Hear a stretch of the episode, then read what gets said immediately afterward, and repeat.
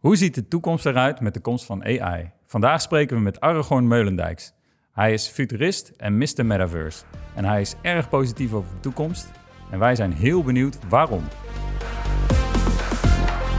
Leuk dat je luistert naar AI Verkenners, de podcast waarin we je meenemen in de wereld van kunstmatige intelligentie. Mijn naam is Kevin. En mijn naam is Peter. Deze ontdekkingsreis wil je niet missen.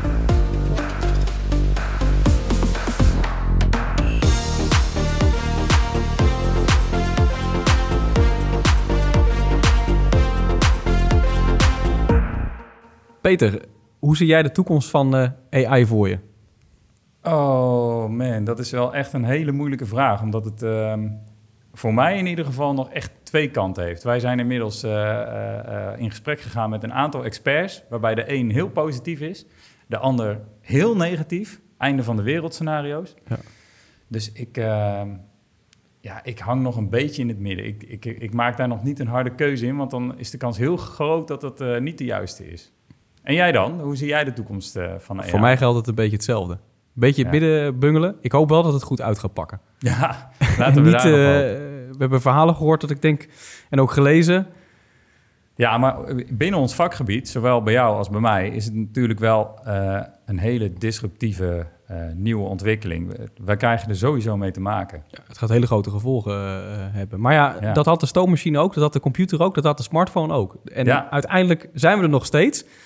Um, ja, ik, ik ga daar maar vanuit dat het gewoon een nieuwe, weer een nieuwe ja, tijdperk is, revolutie. Ja. ja, en vandaag gaan we dus in gesprek met Aragorn Meulendijks, uh, Mr. Metaverse en uh, spreker en auteur. Um, en wat ik al van hem heb gehoord, wij zijn ook uh, bij een lezing van hem Klopt. geweest, een keynote, ja. is dat hij wel heel positief is over de ontwikkelingen van, van AI. Ik ben benieuwd of hij of die daar vandaag ook zo positief over, over denkt. Um, dus ik, ik, kijk echt uit naar dit gesprek. Aragorn. Peter. Fijn, fijn, dat je er bent. ja, dank je. Leuk om uh, samen met jou uh, na te denken over de toekomst in combinatie met, uh, met de komst van de AI. Ja. We hebben daar onwijs veel vragen over. We hebben jou op verschillende podia gezien en volgen je online met veel interesse. En um, ja, wat we ook in de introductie aangeven, ik zie jou in ieder geval echt als een, een, een tech-optimist. Klopt dat? Zie je jezelf ook zo? Ja, wel, jawel. Ja, kijk, het hangt er een beetje vanaf. Want soms ben ik ook wel wat sceptisch. En soms is ook mijn verhaal over AI.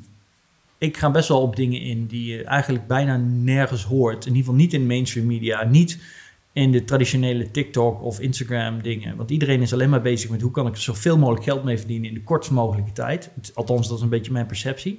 En dan andere mensen zijn er mee bezig met dit is allemaal super eng en het is het einde van de wereld en robots are taking over. En ja, ik, ik ben het met beide, beide vind ik geen goede invliegroute. Maar er zijn natuurlijk wel risico's aan verbonden en die benoem ik. En als ik het daarover heb, dan vinden heel veel mensen dat best wel vaak heel erg eng.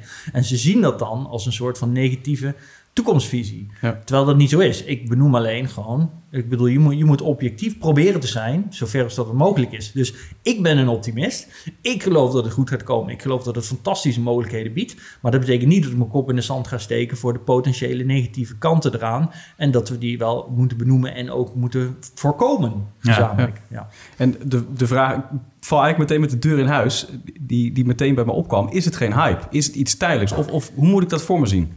Ja, alles is een hype. Ja. alles is een hype. Dus ja, het is een hype. Ja, ik weet niet wat ik nou moet zeggen. Ja, is het iets, iets tijdelijks?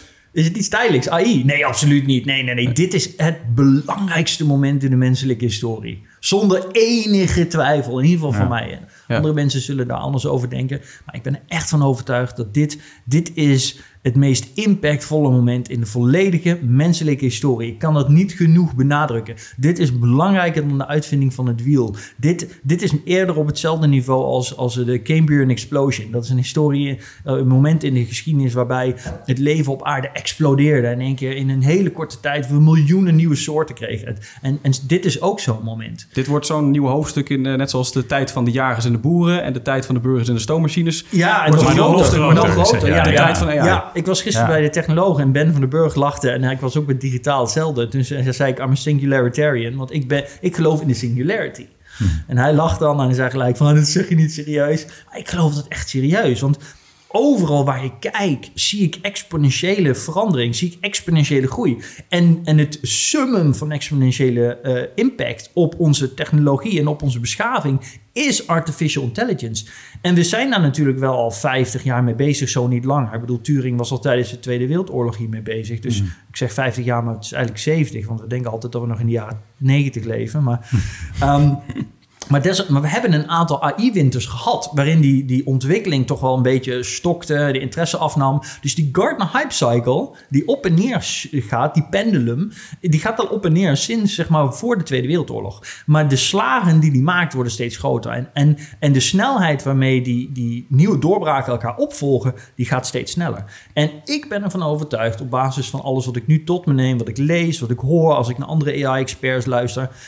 Zelfs de, de die, die zeggen dit is super gevaarlijk en ik vind het helemaal niks. Zelfs die zijn het erover eens dat we nu op een, op een omslagpunt zijn waarbij die AI een dusdanig niveau heeft bereikt dat hij het hele proces significant gaat accelereren. Waardoor je dus een, zelf, een soort vliegwielwerking krijgt die zichzelf mhm. steeds verder aandrijft en die steeds verder accelereert. Maar wat is dan jouw angst richting de toekomst? Ja, kijk. Want, want misschien ligt, een, eh, ligt de angst bij jou niet zozeer op uh, de techniek, de technologie die, die een gevaar is, maar misschien meer op dat het niet werkelijkheid wordt wat jij in je hoofd hebt. Ja, uh, ik denk dat enerzijds een deel van mijn angst te maken wel heeft met hoe gaan overheden en, de, en hoe gaat de wereld ermee om. Uh, ik heb bijvoorbeeld een angst, niet specifiek voor de wereld, maar voor Europa. Want ik zie nu mhm. namelijk nu die AI-wetgeving opkomen. En aan de ene kant ben ik net als Sam Altman een gigantische voorstander van uh, regelgeving en, en zeg maar betrokkenheid van overheden, sturing op, op beleid. Hè. Aan de andere kant uh, moeten we ook gewoon heel eerlijk zijn. Europa is een gigantisch bureaucratisch apparaat geworden. En het lijkt er nu op dat ze allerlei dingen willen gaan verbieden en alles in de kiem willen uh, smoren. En het punt is gewoon dat heel veel van de mensen die achter die beleidszetels zitten, zal ik het dan maar even noemen, die die beslissingen maken, hebben gewoon geen verstand van zaken. Weten gewoon niet waar ze het over hebben. Kijk naar de congressional hearing van Sam Altman in de US. Daar zaten senatoren we hebben dat natuurlijk de afgelopen uh, vijf jaar vaker gezien met andere technologische hearings daar. Die echt gewoon de. Nou, mag ik dit zeggen een podcast? van mij de wel. ballenverstand van hebben. Echt gewoon geen flauw idee waar ze het over hebben, jongen. Die niet eens begrijpen wat wifi is of hoe het werkt. En dit soort mensen zitten dus op hele belangrijke posities beslissingen te maken die een impact hebben voor, op iedereen in de toekomst in toenemende mate. Ja, daar maak ik wel significant druk op. Maar als je dan bijvoorbeeld kijkt naar die AI-dilemma, uh, een bekende YouTube-documentaire. Daar wordt best wel een doembeeld uh, geschetst, vind ik. Ja, vind ik ook heel slecht. In die zin... Ik, ik, ja, maar dat zijn niet de minste, hè? Steve Wozniak nee, nee, en nee, hoe heet die andere twee mannen? Ja, dat ben ik met je eens. En, en, dat is dus ook wat ik zorgwekkend vind. Want, want Tristan Harris en Raza zijn natuurlijk super belangrijke mensen wel op dit gebied. Steve Wozniak is ook niet de minste die zeggen significant belangrijke dingen ik vind ook dat iedereen de AI-dilemma moet kijken of moet luisteren. Dat is echt gewoon moet verplichte kost zijn voor iedereen wereldwijd. Als, als ik nu een nationale televisiezender was geweest, dan had ik dit gelijk geregeld dat dit uitgezonden wordt. Primetime. Ja, primetime. primetime want dit is, echt, dit is echt voor mij gevoeld equivalent van de aankondiging dat we contact hebben gemaakt met een buitenaardse ras. Hè? Dat is echt het niveau waarop je moet denken. En ik weet dat mensen denken van, nou, die nou, ik kan het wel volgen. Ik kan het wel volgen, ja. Maar er zijn natuurlijk veel mensen die denken, oh, gewoon, je bent niet goed wijs. Maar, maar dat is wel echt het niveau waar wij moeten denken. Maar het probleem is, hè, dit is geen science fiction film. En om per definitie te praten over artificial intelligence alsof het een nucleair wapen is, want dat is wat ze letterlijk doen, keer op keer op keer. Dat, kijk, het is niet voor niks dat als we teruggaan in de oudheid, dan zijn er wijsgeren zoals Lao Tse, hè, een van de oudste bekende wijsgeren uit Azië, en die, en die zei, en ik paraphrase nu, maar je, we zijn wat we denken. We worden wie, wat we denken. Mhm. Mhm. Als wij denken over de opkomst van AI in de termen van een conflict. En als AI is een wapen, dan is dat ook de realiteit die wij gaan creëren. Want zo werkt het. Ja. Dus we moeten heel goed nadenken. En zeker deze mensen, had ik echt meer van verwacht, moeten heel goed nadenken over hoe ze dit formuleren. Ze hebben een keynote gedaan die best wel goed was. En, en het is fijn dat ze het hebben gedaan. Maar ze hadden er bij wijze van spreken net zoveel aandacht aan moeten besteden als Apple heeft gedaan aan hun keynote voor hun product delivery. Mm, Daar moeten gewoon, hadden ze gewoon veel beter over na moeten denken. Elk woord had uitgekiend moeten zijn. En, maar zit er dan misschien een, een commercieel belang achter vanuit, uh, vanuit de makers van uh, die AI-dilemma? Nee, dat denk ik niet. Ik denk gewoon heel eerlijk dat zij zich niet. Ik denk dat ze enerzijds gegrepen zijn door emotie.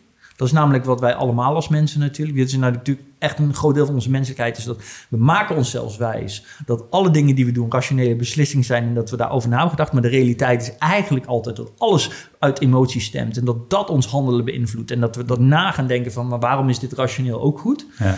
En dit is ook wat we bij hen zien. Zij zijn gewoon, hoe intelligent ze ook zijn en hoeveel ze ook van deze technologie weten, ze zijn geschrokken. En Raza zei ook, ja, ik heb Infinite Scroll uitgevonden en als ik dat nu op terugkijk, had ik dat anders gedaan. En dit, dit bewijst dat hij dus een eigen trauma met zich mm. meedraagt over de introductie van een technologie die een gevolg heeft gehad die hij niet heeft voorzien. En dat trauma kleurt nu hoe hij omgaat met de introductie van AI. Ja, ja, dus nog een keer uh, voor de luisteraars, die AI-dilemma, ja, YouTube te vinden. Ja. Uh, echt zeker een hele goede documentaire, zeker kijken. Um, wat mij daarin uh, vooral ook verbaasde, is dat, dat ook die mannen zeggen: de controle is wel zoek. En dan komen we weer op wetgeving, regulering. Ik vind zelf, ik ben zelf wel een klein beetje voorstander, eerlijk gezegd, Aragon, van regulation vanuit de Europese Unie. Omdat we nog niet weten wat het kan en wat het doet. Ik ben geen tegenstander van regulering. Laat hmm. ik dat voorop stellen. Waar ik alleen bang voor ben, is dat de mensen die uiteindelijk die beslissingen nemen, eigenlijk niet weten wat, waar, waar ze over beslissen, over hoe het zit. En dus beslissingen nemen die niet in ons belang zijn. En we moeten ook kijken naar de bredere geopolitiek. Ja? Mhm. Ehm, we hebben nu een, een, China en we hebben een, een Aziatisch uh, continent met allemaal landen die veel meer in het collectief denken die veel minder moeite hebben om dingen, nieuwe technologieën te adopteren en direct grootschalig in te zetten, omdat het voordelen met zich meebrengt. Die minder kijken naar van oké, maar moeten we alle minderheden en alle individuen en, en alle mogelijke scenario's meenemen in onze overweging om dit wel of niet te doen, want we moeten mensen beschermen. Ik zeg niet dat dat laatste negatief is, maar we, er is gewoon een balans in de organisatie van uh, een, een, een, autoriteit of een natiestaat in dit geval. Waarbij hoe meer bureaucratie er is en hoe meer regelgeving en rechten, en uh, dat is goed voor de veiligheid, maar het is heel slecht voor de adoptie en innovatie en het vermogen van een samenleving om te transformeren op basis van nieuwe geïntroduceerde technologieën. En als het, Azië is natuurlijk al een steeds dominantere plek in de wereld aan het innemen. Mhm. Hun de economie van China groeit gigantisch. We zien al dat de spanningen oplopen tussen de US en China over Taiwan, waar de chipproducties, et cetera. Als je al die dingen meeneemt, dan moet je je realiseren dat als de EU bijvoorbeeld nu regelgeving doorvoert die het heel moeilijk maakt om in Europa van deze AI gebruik te maken op een competitieve, eh, concurrerende manier met wat er in Azië gebeurt, dan heeft dat in de komende twee decennia een gigantische impact op de ontwikkeling van onze economieën en onze samenleving. En dan betekent dit echt, ben ik van overtuigd, dat we gaan van de eerste wereld naar de derde wereld. Want ook in de rest van de derde wereld, zal ik het dan maar zo even mhm. noemen, in Afrika, in Zuid-Amerika, in landen die nu achterlopen, zien we dat deze technologieën nu de mogelijkheid bieden om een leapfrog te maken. We hebben natuurlijk zoiets als de, de wet van de remmende voorsprong. En de wet van de remmende voorsprong geldt op dit moment gigantisch sterk voor zowel de US als voor Europa. En misschien nog wel mhm. meer voor Europa dan voor de US. En we hebben in het verleden natuurlijk andere voorbeelden gezien van hoe dat kan uitpakken. Want ook Duitsland heeft natuurlijk eigenlijk ja, het klinkt heel cru, maar ze hebben gigantisch geprofiteerd van het feit dat ze helemaal plat gebombardeerd waren in de Tweede Wereldoorlog. Want daardoor waren alle oude fabrieken, alles was weg. En ze snel innoveren. Konden ze snel innoveren, konden ze snel opbouwen. Ze moesten de hele samenleving opnieuw inrichten. Dus ze zijn heel snel het machtigste, het rijkste en het meest productieve land van Europa geworden. Dat is ook waar we, wat we moeten zien, dat gaat nu ook gebeuren als we dus niet op de juiste manier ageren. En mijn angst is uh, misschien dan wel niet, uh, dit is geen existentiële angst voor de mensheid, maar mijn angst is wel dat Europa probeert allerlei regelgeving door te voeren om het veilig te houden, maar uiteindelijk het compleet irrelevant is omdat ze toch in Azië compleet wat anders doen en, en het een schijnveiligheid is. Dus de grootste bedreiging voor AI zou misschien wel regelgeving kunnen zijn. Het zou, eh, ja, te veel regelgeving in ieder geval. Er moet een balans in gevonden worden. En er moet nagedacht worden over, ja, maar als we deze beperking nu hier doen, wat is dan de ex, geëxtrapoleerd de, de, de, het gevolg daarvan over 10 en over 20 jaar? En dat is natuurlijk een probleem van de politiek, want dat doen ze sowieso niet ver vooruit denken. Maar als. Uh... als er niemand aan de knoppen draait hè, bij AI, als het helemaal op zichzelf staat en, en, en, en zichzelf kan ontwikkelen, Ehm, is er dan nog een rem mogelijk? Nee. nee. Nou ja. wat brengt dan... Uh, misschien was ik iets te snel in het zeggen van nee. De angst is heel erg... Sorry, wil je nog wat vragen? Ja, eh, misschien toch nog even de vraag... wie draait er aan de knop? Ja, is er nog iemand die er ja, kunnen we er nog op draaien? Doen? Kunnen we nog op de rem trappen? Nou, um, er zijn heel veel AI-experts, onderzoekers, wetenschappers... die zeggen van er is zeker een moment en als we dat voorbij zijn, dan kunnen we niks meer doen. Er zijn er zelfs die beweren dat dat moment wellicht al gepasseerd zijn. Ja. Wellicht is dat zo. Ik kan dat niet met zekerheid zeggen. Ik moet natuurlijk benadrukken, ik ben geen um, Sam Altman, ik ben geen uh, Eliezer, ik, ik, ben, ik ben niet een van de grote echte eh, AI-experts die zelf ook AI ontwikkeld heeft. Dus ik moet daar een slag om de arm houden. Maar wat ik wel weet, is dat eh, bijvoorbeeld recente rapporten van OpenAI, waarbij ze uh, hebben geëxperimenteerd met verschillende manieren van AI-training en reward systems. Mhm. dus eh, de manier waarop AI in de basis functioneert, is dat je het, je zegt, een, je geeft het een opdracht en je geeft het een mechaniek waarmee het beloond wordt voor een succesvolle uitvoering. In principe. Mhm. Nou, daar kun je dus al keuzes in maken. Want je kunt ervoor kiezen om het te belonen voor de eindoplossing. Of je kunt ervoor kiezen bijvoorbeeld om het te belonen voor een, goede, een goed proces. Mhm. dus je zegt, als je, dit, als je het proces op een goede manier hebt gevolgd... zodat je dus een, tot een objectief resultaat komt... Uh, dan krijg je een beloning. En, het hele frappante waar ze uh, in de afgelopen twee, drie weken achter zijn gekomen met heel veel testen, is dat ze een significante betere resultaten kregen. Dus zeg maar 15 tot 20 procent betere resultaten uh, als ze de AI gingen belonen op uh, good workout, zoals ze dat noemen. Mhm. Dus de juiste manier van het probleem oplossen.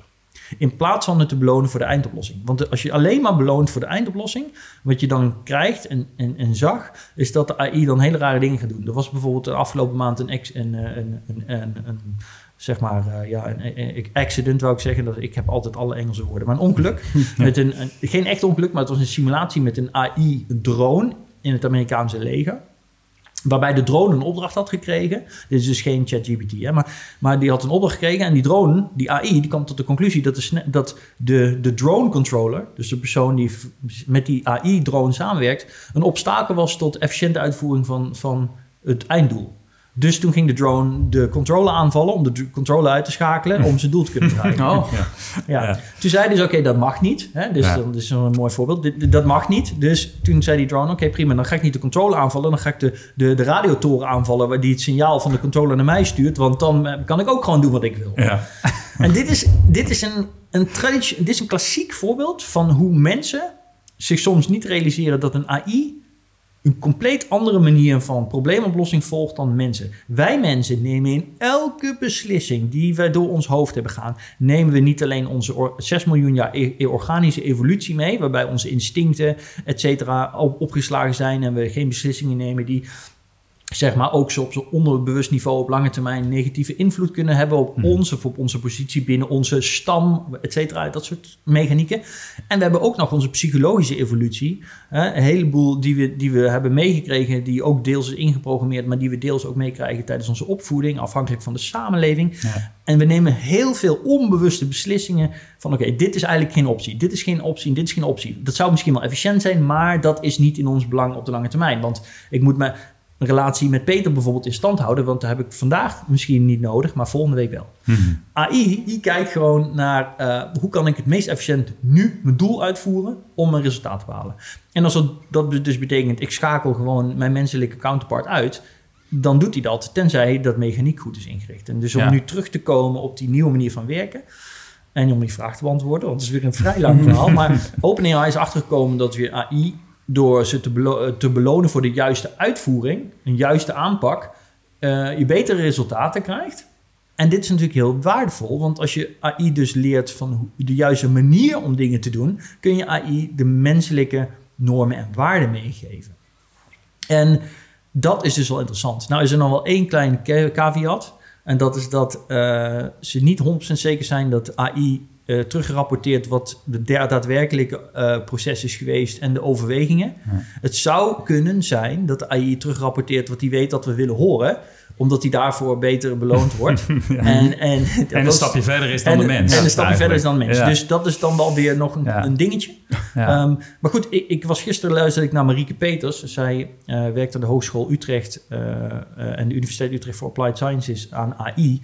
En zij zij zei, we moeten AI meer mogelijkheden geven om de wereld zelf te ervaren, zodat het zelf tot conclusies kan komen. Ik vond dat een hele interessante uitspraak. Marieke is een vriendin van mij, en, uh, maar ik ben het daar niet mee eens.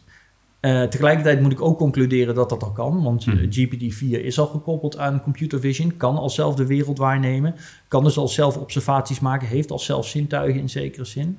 Daarnaast, als, je, als we dat AI laten doen, dan gaat het dus zelf dingen bedenken. Dan gaat het zelf een construct vormen voor hoe het de wereld moet zien en hoe het met dingen om moet gaan. En ik denk dan juist dat, kijk, het verschil tussen AI en een baby is: een baby wordt geboren uit mensen, komt in de wieg te liggen, ligt in de huiskamer of in de, in de slaapkamer, luistert naar zijn ouders en hoort wat er in de omgeving gebeurt en groeit dus op in een omgeving die doordrenkt is van menselijk handelen. Mhm.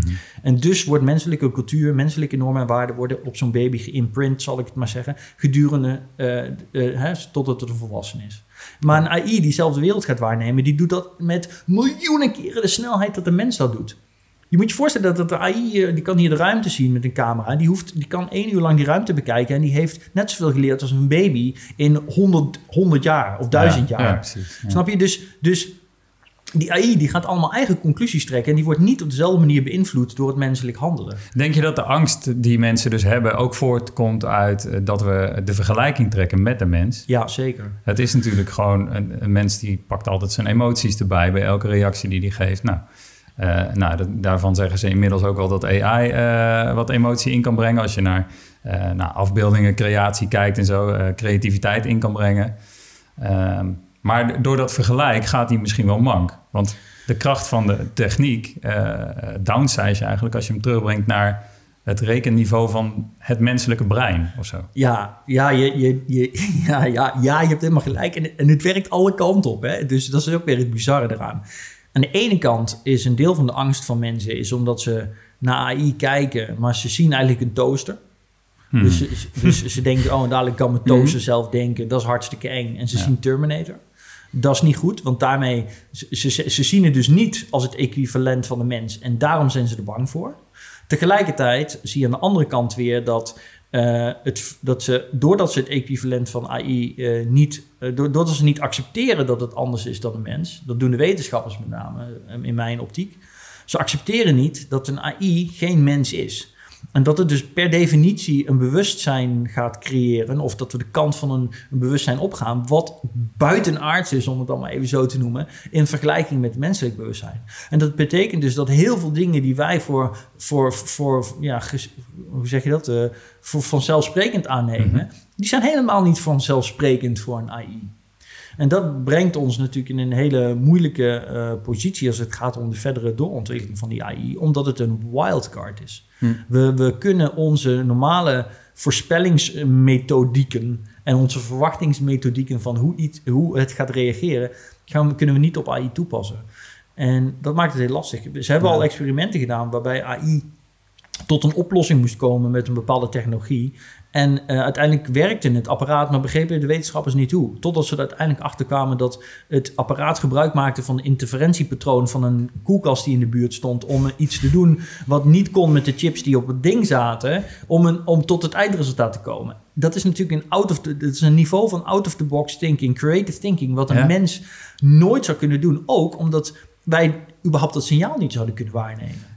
Ja, en even terugkomend ook op uh, het thema van deze show. Hè? En, en, en, en, waarin we ook, ook denken van, uh, jij bent hier heel positief over. Ja. Zie jij dan ook voor je dat uh, AI straks in staat is om, om dingen, echt hardware te bouwen... Want je loopt natuurlijk tegen de grenzen aan van wat hij kan. Want hij is nu gevoed, ChatGPT 4 bijvoorbeeld, moet ik nu even zeggen, niet de AI in het algemeen.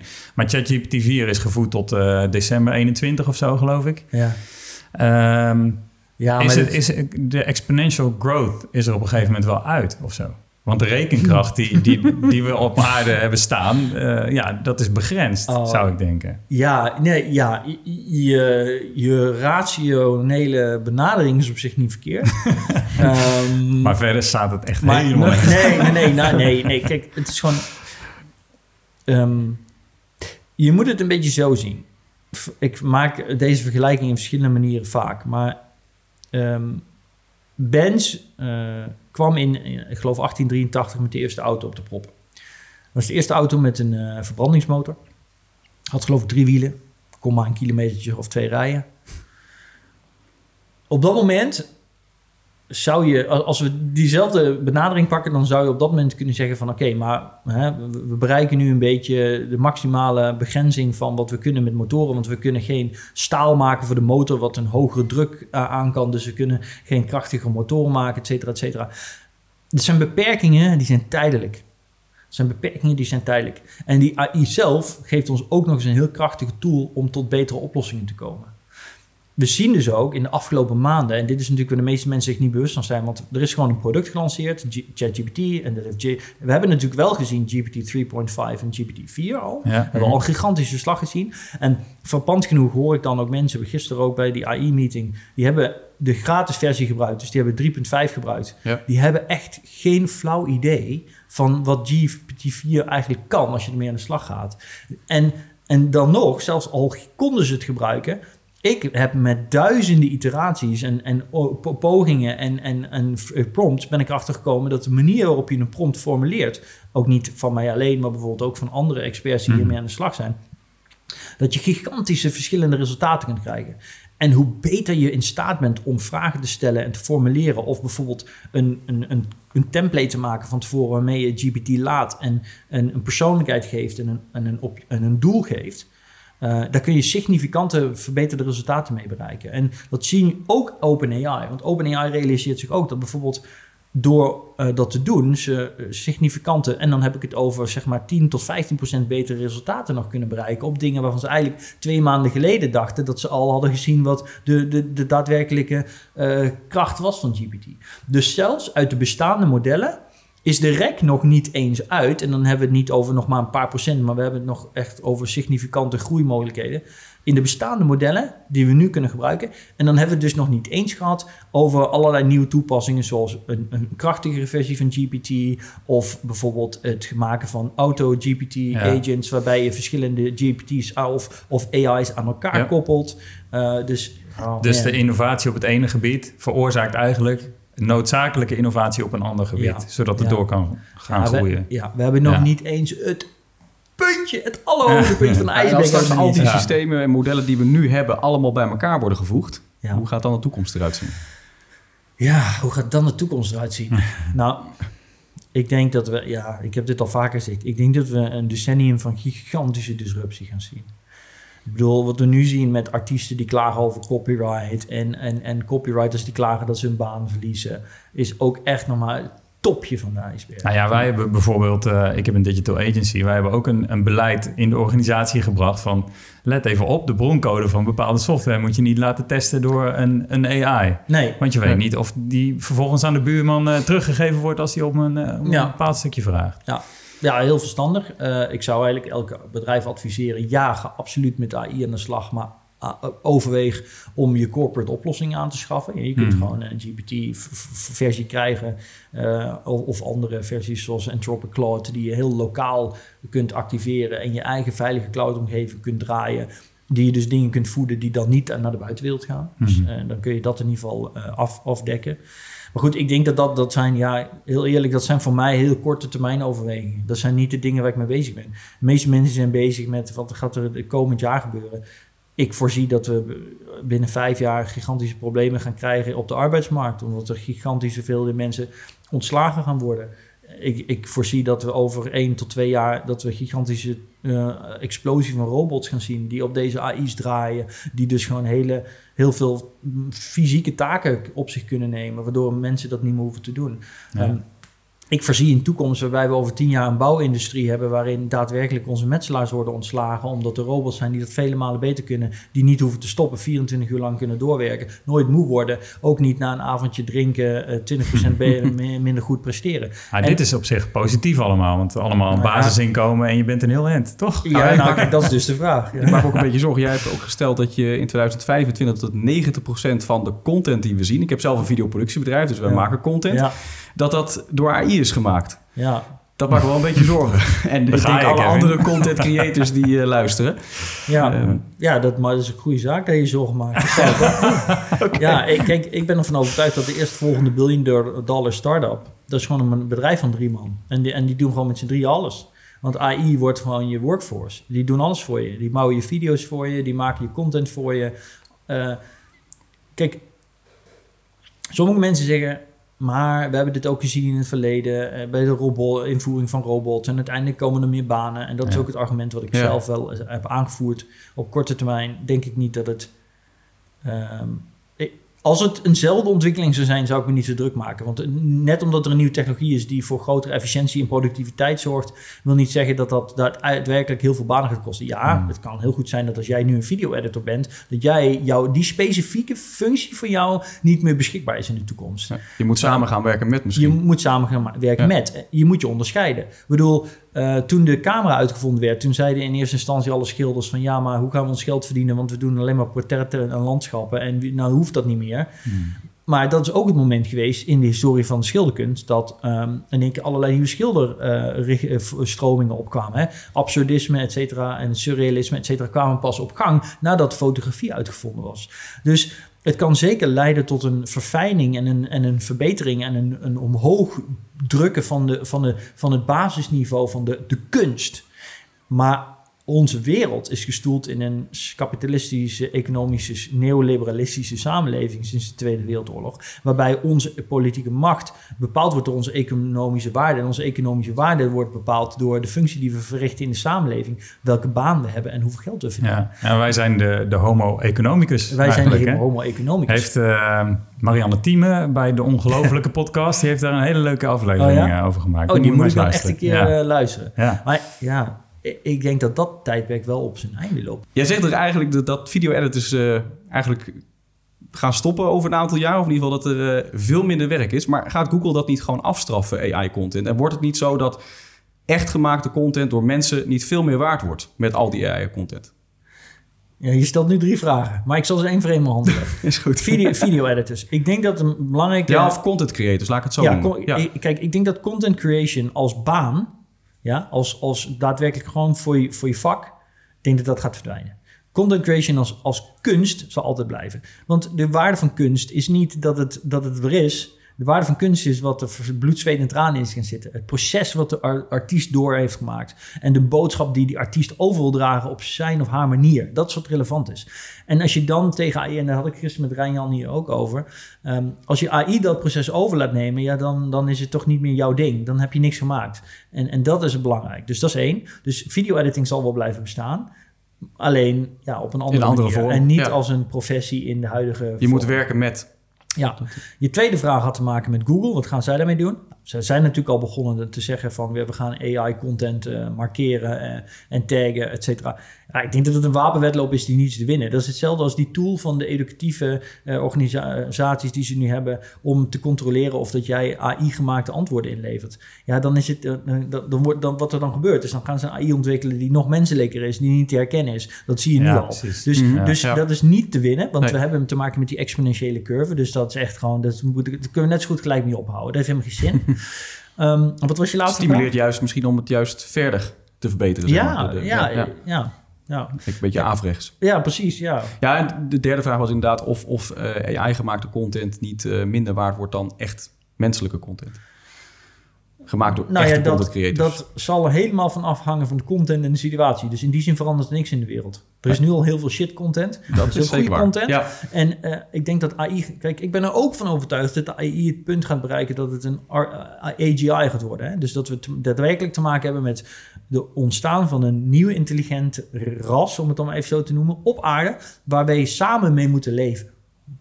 En als dat content gaat creëren in de toekomst, dan kan dat ook wel heel erg intrigerend zijn. En, en de filosofie verkennen en ik, alles. Alles wat mensen kunnen. Ik bedoel, er is, ik ben ervan overtuigd dat AI dadelijk alles kan wat mensen kunnen en beter. Dus tuurlijk wordt dat dan interessant en relevant. Um, maar wederom kom ik terug op het punt, als het alleen maar content is gemaakt die door, door een AI, zoals dat nu al gebeurt, waar, waar Rijn Jan een mooi artikel over heeft geschreven, dat we uh, Rijn Prak van Nieuw Geld, waar we hier zitten, uh, dat we dadelijk een, een content lawine krijgen. Maar allemaal waardeloze, lege content. Ja, dat is natuurlijk niet de bedoeling. En daar moeten we wat mee doen. Maar ook daar, en dan moeten we niet te lang maken, maar ik ben ervan overtuigd dat we die AI weer aan twee kanten van deze uh, equation staat. Wij hebben dadelijk allemaal een digital twin. Die is geprogrammeerd op alle data die er van ons beschikbaar is. Dus eigenlijk onze, een digitale kopie-kloon van ons. En die, die doet dat voor ons. Dus die, die content lawine heeft helemaal geen zin dadelijk, want het bereikt ons toch niet. Maar dat dus, is wel interessant, want dan zou je dus kunnen zeggen dat bedrijven in de toekomst, of in de nabije toekomst, zo snel mogelijk moeten werken aan hun, uh, hun handtekening in AI. Dus dat je je eigen bedrijfs-AI hebt. Ik denk dat het belangrijker is dat een ja, een handtekening in de zin van dat je je stempel drukt op de content die je maakt, die je herkenbaar maakt. Maar ik denk ook wat heel, wat, wat, ik, wat ik ook echt hoop, hè, is dat het dadelijk weer gaat om de kwaliteit van content. Dat zou wel lekker zijn. Zeker. Want al die, alleen, die, die SEO uh, bullshit. Uh, ophouden met die SEO bullshit. En het moet weer gaan om de inhoud, om de kwaliteit van content, zodat mensen ook echt willen interacteren met wat je maakt. En dat het waarde toevoegt. En dat het niet alleen maar gaat om zo snel mogelijk die kliks verzamelen. Helemaal meer. We hebben het over de toekomst. Ik kan het dan ook niet vermijden. Jij bent natuurlijk Mr. Metaverse. Hoe zit het daarmee? Hoe zie je dat voor je? Ik denk dat uh, gebeurt, gaat het toch nog gebeuren. Ik denk dat, uh, ik denk dat de Vision Pro van Apple, um, ondanks dat ik heel kritisch ben geweest over wat ze hebben gelanceerd qua product en sommige voor 3500 euro. Voor 3500 euro. De prijs ben ik ook kritisch over geweest. Ik denk dat het wel een heel duidelijk teken aan de wand is. Want wat hebben we nu gezien in de afgelopen periode? We hebben gezien dat uh, de, de meest indrukwekkende technologie die er in de afgelopen zes maanden gelanceerd is, een technologie is die met name het visueel vlak van onze mogelijkheden uitbreidt. Die AI wordt ook door Nvidia gigantisch gebruikt om allerlei nieuwe technologieën te ontwikkelen die het mogelijk maken om fotorealistische werelden te creëren on the fly. Die werelden kunnen ook nog eens gevuld worden met entiteiten die gewoon met ons op een natuurlijke wijze, als ware het mensen, kunnen interacteren. Al wederom die artificial intelligence. Dus die artificial intelligence die helpt ons om die werelden te bouwen, helpt ons om die werelden te vullen, helpt ons om die werelden realistisch te maken. En die artificial intelligence wordt ook gebruikt door Apple in de Vision Pro om ons beter te laten interacteren. Sterker nog, die wordt gebruikt om onze gedachten te voorspellen zodat ze van tevoren weten waar we naar gaan kijken en waar we op gaan klikken. Zodat we een gruwelijk smooth interactie hebben. En dat is natuurlijk uh, Apple's, Apple's uh, forte. Stokpaardje. Stokpaardje. Die, die, die convenience magic, zoals ik dat noem, die ze heel goed kunnen creëren. Dus artificial intelligence zit overal in, overal achter. En het is een gigantische power boost voor alles wat met de metaverse te maken heeft. En daar komt dan denk ik ook jouw geloof in de singularity uh, vandaan. ja, zeker ja, ik zie gewoon... Is het een geloof trouwens, moet ik het zo noemen? Ja, het heeft al heel veel trekken weg van een religie, moet ik helaas bekennen. Ja. ja, want jij, jij zei in je, in je keynote ook, uh, uh, Ray Kurzweil... Ja. Uh, die voorspelt dat in 2045 een technologische singulariteit zal plaatsvinden. Is het goed om voor de luisteraar dat even kort toe te lichten wat dat precies is? Ja, ja. ja. dat is wel een goeie. Doe ik dat? Ja, als jij ja, ja, ja, ja, heel graag. Okay. de singularity is eigenlijk een heel simpel concept. Als je je, je, je, als je, ja, hoe moet ik het in het Nederlands zeggen? Je moet een beetje, je moet een beetje, je moet nadenken over exponentiële groei dat is een moeilijk concept om te beseffen. Maar als je daar goed over nadenkt en je beseft je van oké, exponentiële groei. We hebben een maand. We hebben waterlelies in een vijver. We weten dat binnen een maand waterlelies aan het begin van de zomerseizoen of de lente gaan groeien. En we weten dat ze exponentieel groeien. Dus, dus één waterlelie de eerste dag, twee op de tweede dag, vier op de derde dag. Als je dat weet, dan moet je beseffen dat de dag dat de helft van de vijver gevuld is, is op de 29e dag van de 30 dagen durende maand. En op de laatste dag is de vijver vol. Dus in één dag gaat de helft van de vijver gevuld worden. Drie dagen van tevoren is een kwart gevuld. Dus in drie dagen vult drie kwart van de vijver zich. Ja, en dus er zit een gigantische exponentiële groei aan het einde van de exponentiële curve. En dat noemen we de knee of the curve. Ray Kurzweil en ik geloven, en er zijn er meer hoor, maar die geloven dat we met technologie eenzelfde ontwikkeling doormaken. En die technologische ontwikkelingscurve is gestart, zeg maar, uh, wij kijken dan naar 500 jaar geleden, want dat was de start van de uh, wetenschappelijke methode in Europa. Goed, je zou hem ook verder terug kunnen trekken hè, uh, naar de eerste ontwikkeling van technologie zoals het wiel, whatever. Mm. Maar het punt is dat we hebben eigenlijk in die eerste fase van die curve gezeten en dat is bijna hetzelfde als lineaire groei. Zo voelt dat althans en dat is ook waarom we dat niet zo hebben waargenomen als exponentiële groei. Maar we komen nu in de laatste decennia van die curve, waarbij we in één keer, zeg maar, we zijn nu op dag 27 of zo, of dag 28 van de maand. En we gaan dus nu in één keer gigantische klappen maken met die ontwikkeling. En de singularity is het punt, het moment in de toekomst dat onze technologische groei zo snel is dat we daaraan voorbij niet meer met ons huidige voorstellingsvermogen kunnen begrijpen hoe dat eruit gaat zien. Ja, dus ruimte en tijd bestaan niet meer. Dat, zo zou je dat kunnen voorstellen. En ik heb zelfs nog een gekkere persoonlijke theorie erover. We hebben ook de Fermi-paradox. En de Fermi-paradox is een theorie die stelt... als we weten dat het universum gigantisch groot is... er zijn miljarden, melk, uh, miljarden uh, Milky Ways en er zijn miljarden uh, galaxies... dan zouden we moeten concluderen, statistisch gezien... dat er dus miljoenen civilisaties moeten zijn... die op hetzelfde punt of een veel verder punt in hun ontwikkeling moeten zijn dan de mensheid. En dan zouden we daarvan signalen moeten zien of ontvangen. Dat is bijna om, want als, als er dus een civilisatie is die al miljoenen jaren radiosignalen uitzendt, bijvoorbeeld, dan zouden we die moeten ontvangen op enig moment. Maar dat gebeurt niet. En dat is heel raar. Dus het lijkt alsof het universum leeg is. Recours wel zegt, dat komt omdat we de enige zijn. Dat is de enige conclusie die we kunnen trekken, want enig, enig intelligent ras bereikt een technologisch punt waarbij die ontwikkeling ontstaat die wij nu doormaken. En dan zijn we binnen een paar honderd jaar, maximaal duizend jaar, zijn we in de singularity. Dan, en dan verspreidt onze intelligentie met de snelheid van het licht door het universum. Ja, dit is heel erg. Nou zijn we echt in sci-fi. wel. Echt, ja, dat is wel inderdaad. Het betere filmscript. Ja, ja precies. En um, dat is wat hij zegt. En hij, hij, is niet de minste. Hij is niet een soort Nostradamus die maar dingen verzint. Hè? Dit is wel echt gewoon een mhm. wetenschapper. Hij, deze man heeft in, oorspronkelijk bij Google gewerkt. Heeft heel veel hele succesvolle bedrijven gestart. Nieuwe technologieën ontwikkeld. Het is echt gewoon... En hij is 86% correct in zijn voorspellingen tot nu toe. Dus echt wel bizar. En hij zegt, dat, dat punt gaan we bereiken. Dus dan zouden we die moeten zien. Maar die zien we niet. En hier is mijn theorie. Mijn theorie is, en volgens mij zijn er wel andere wetenschappers die ongeveer hetzelfde beweren, is dat we door die singularity in onze technologische ontwikkeling, dat we ook gaan zoeken naar de, hoe we het meest optimaal onze computational power kunnen vergroten. En nou blijkt het zo te zijn dat op de event horizon van een black hole, omdat, de tijd, uh, omdat daar zo'n gigantische ja, compressie van tijd plaatsvindt, kunnen we daar dus ook de maximale computational power genereren.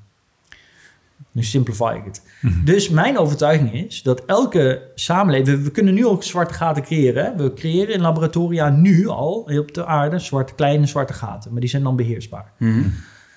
Mijn theorie is dus dat op het moment dat we de technological singularity bereiken... en onze intelligentie met miljoenen keren gaat toenemen... omdat we versmelten met artificial intelligence... Over, ik wilde zeggen onze intelligentie. Ja, dus onze intelligentie. Dus wij en artificial intelligence worden één. En dat is de volgende stap in de menselijke evolutie. En dat gebeurt met hardware dan, dat, die, die aan je lichaam ja, wordt toegevoegd? we gaan denk ik gewoon volledig onze biologische vorm achter ons laten. Ik vind dat dus heel creepy, hè? ik moet er niet aan denken, maar goed, jij wel. ja, ik, ja, ik, nou, ik, ik vind het ook een, een beetje een gek idee om te denken... dat ik in de toekomst misschien mijn arm afhakken of een chip laat inbouwen. Maar ik ben er ook van overtuigd dat dat gewoon de way forward is. Maar als we dat punt dus bereiken dan gaan we dus ook automatisch zoeken naar hoe we dat kunnen vergroten. En mijn overtuiging is dat civilisaties dan zelf zwarte gaten creëren, zodat ze op de event horizon hun compute kunnen vergroten. En het zou dus, dit is een hele bizarre theorie hoor, maar het zou dus zo kunnen zijn dat eigenlijk heel veel van de zwarte gaten die we zien in het universum, civilisaties zijn die de singularity hebben bereikt. Ja, precies. ja, ja. ik probeer je te volgen. Het lukt denk ik ook. Ik sluit aan bij dat filmskip wat je net noemde. Ja, ja, ja. Nee, maar het is uh, een hele boeiende theorie, dat wel. Oké, maar dit is wel um, deep end. Uh, ja, precies. Dit gaat dit, wel heel dit ver. Dit is natuurlijk een beetje gewoon ook... Ja, tuurlijk. Ja, een beetje filosoferen over dingen en science fiction denken. Maar ja, zo zijn... Uh, maar kort erbij, als we het dan even over de metaverse hebben... Um, dan heb ik het even over de bril, zeg maar, zonder chips en dat soort dingen. Hoe zie jij dat voor me? Dat, gaan we over een aantal jaar echt die bril dragen, Hiro? uh, dagelijks? Of? Zeker. Ik, ik, denk dat het feit dat Apple nu het eerste product heeft gelanceerd, moeten we. Ik weet niet of het een iPhone-momentje is. In de zin van mhm. dat ik niet dezelfde innovatieve doorslag nog heb gezien die ze met de iPhone gerealiseerd hebben. Ze positioneren het ook niet zelden. De iPhone was twee keer zo duur als een andere smartphone. Maar het waren drie devices in één. Dus het was heel aantrekkelijk. Dit is natuurlijk een veel duurder device. Dus we moeten even gaan zien wat ze gaan doen. Komt er een, een Vision zonder Pro die goedkoper is en dat soort dingen. Maar ik denk dat we van één ding vrij zeker kunnen zijn. We gaan nu eenzelfde trend zien in de komende tien jaar als wat we hebben gezien met smartphones, maar met een exponentiële versnelling. Dus in plaats van dat we 20 jaar doen over het bereiken van 8 miljard of 7 miljard smartphone gebruikers of AR gebruikers, denk ik dat we rustig kunnen stellen dat we over 10 jaar uh, ergens tussen de misschien wel 1 tot 2 miljard actieve gebruikers hebben die allemaal een bril op hun, hun snuffert hebben de hele dag. Hm. En misschien wel meer. Zou me niet verbazen. Ja, ik denk dat we, zijn al best wel lang aan het praten, dus we moeten ook richting een afsluiting. maar ik heb nog echt een, een, een, nou ja, nog wel iets wat ik zou, uh, wat ik tegen je aan wil houden. Ja. Um, want uh, nou, jij vertelde in, in, in een keynote waar wij ook waren... Uh, dat jij al vrij snel aan het videogamen was. Ja. En, en, en daar ook best wel ja, goed in bent en zo. En ja. dat dat jouw wereld wel, wel redelijk was. Zeker, ja. En bij mij is dat helemaal niet het geval. En hmm. nog steeds niet. En het, het heeft ook niet een behoefte... Er is geen behoefte in mij die dat wil. En als ik het wel doe, dan ben ik er ook heel snel klaar mee. En toen dacht ik zou het zo zijn dat je inderdaad gewoon uh, uh, door de komst van AI en de ontwikkelingen daarin en een, uh, een metaverse hmm. ook een splitsing in de maatschappij krijgt? Van de Aragorns onder ons en de Peters onder ons. Want mijn kinderen hou ik ook juist een beetje weg bij, bij, bij dat soort games. Het zou, het zou zeker kunnen. Kijk, we hebben natuurlijk in de maatschappij heel veel splitsingen. We hebben heel veel subculturen. Er zijn mensen die houden van kunst. Er zijn mensen die houden van opera. En er zijn mensen die houden van ABBA. En er zijn mensen die houden van uh, paintball. En maar mensen die leven op dezelfde aarde. En dit zou je kunnen zien als... Ja, maar is, ja, leven op dezelfde aarde wel. Maar goed, wij gaan ook niet weg als we de metaverse in gaan. Je moet alsnog eten, je moet alsnog drinken met zo'n bril op. Ja. Ja.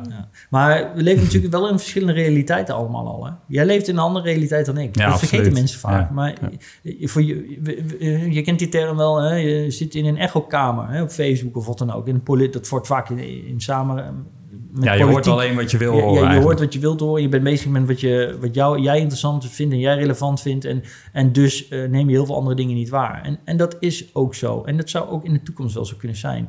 Maar ik denk dat je maakt nu de vergelijking met gaming. En dan benader je dat hele virtualiseringsaspect van onze, onze ervaring vanuit die gamershoek. Uh, mm Maar het hoeft voor jou natuurlijk niet zo te zijn. Kijk, um, er zijn heel veel mensen die wilden niks weten van crypto. Ja?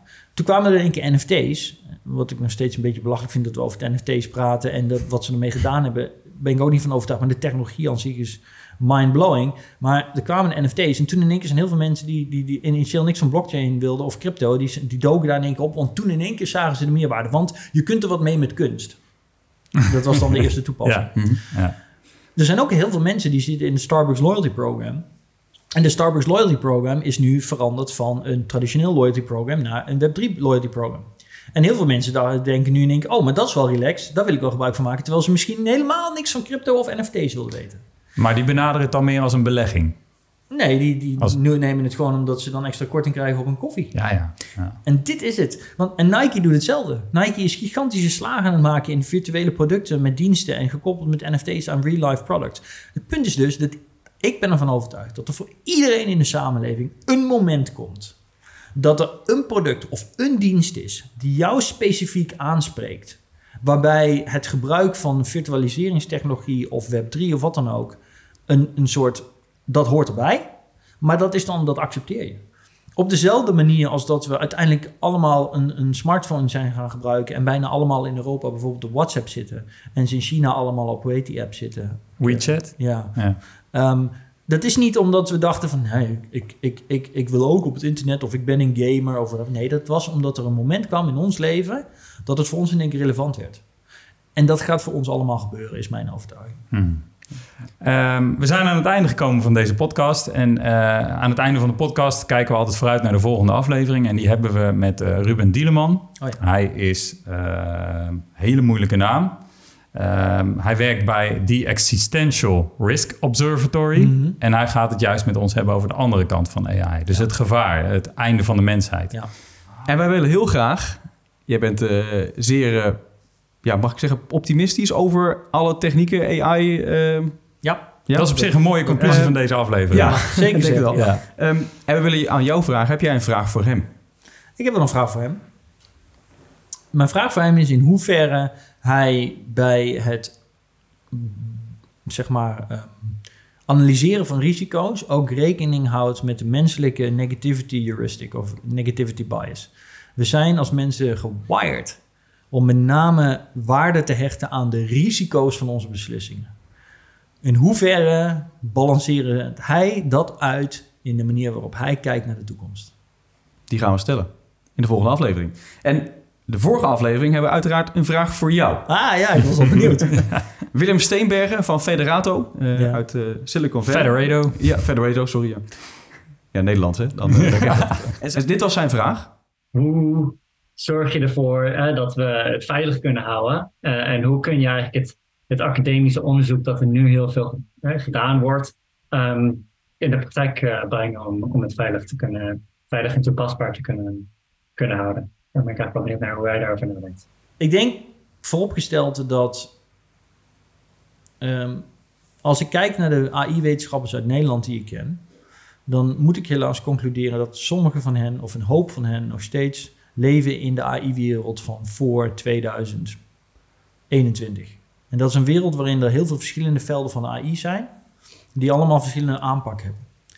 En het lijkt mij heel verstandig dat AI-wetenschappers wereldwijd, of het nou computer vision is of AI-learning, even een keertje allemaal samen rond de tafel gaan zitten om over bepaalde standaarden, standaarden te praten. En uh, tot een soort uh, overeenstemming te komen over dat AI nu gewoon één veld is. Um, en wat de rol van machine learning daarbinnen is. En op het moment dat ze dat doen, ben ik ervan overtuigd dat al die technologie geopen source moet worden. Hm. Daar ben ik sowieso een groot voorstander van. Ik vind dat alle data, alle kennis van de mensheid open source moet zijn. De we hebben publieke ruimte in de wereld. Iedereen mag over straat lopen als je het juiste paspoort hebt. Uh, en daar zijn geen beperkingen in, tenzij ja, goed, we hebben natuurlijk wel uh, private property gebouwen. Uh, dat zou je dan kunnen stellen.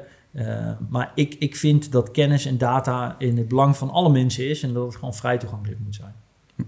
Ja. Dus de discussie die er ook wel eens wordt gevoerd rondom uh, uh, eigendom, intellectueel eigendom, dat vind je sowieso eigenlijk al ik, mank gaan in de beginnen. Ja, ik ben absoluut tegenstander van alle vormen van intellectueel eigendom ja. of copyright. Ik ben ook heel blij met de beslissing van Japan om uh, te zeggen dat alle data die gebruikt wordt voor het trainen van AI, dat je daarna niet meer uh, um, een uh, claim kunt maken van copyright infringement. Hmm. Dus als een AI, AI-modellen mogen gewoon getraind worden in Japan en je kunt niet daarna zeggen van ja, maar het heeft gebruik gemaakt van mijn data en ik wil daarvoor gecompenseerd worden. Okay. Ik denk dat dat een hele goede hmm. beslissing is. Het positioneert ook in de wereld natuurlijk heel belangrijk, want uh, in het Westen zijn we natuurlijk met name de andere kant op aan het hangen. Dus er komt nu al een heel duidelijk signaal uit Azië van nee, maar wij gaan het anders doen. En ik denk dat dat heel belangrijk is voor de toekomst. Mooi. Argon, uh, ontzettend bedankt dat je wilde aanschuiven. Uh, bedankt voor je optimisme over AI en de toekomst. Ja, zeker. ik heb het wel nodig af en ja, toe, een beetje optimisme. Ja. Dat, dankjewel. Dank, ja. Dankjewel voor je tijd. Dank jullie wel. Dank voor het luisteren naar de podcast AI Verkenners. Deze podcast wordt mede mogelijk gemaakt door videoproductiebedrijf Van Ei naar Kip. En Better, digitale innovatie voor de wereld van morgen. Wil je geen aflevering missen? Volg deze podcast dan op je favoriete podcastkanaal. Meer weten? Ga naar aiverkenners.nl.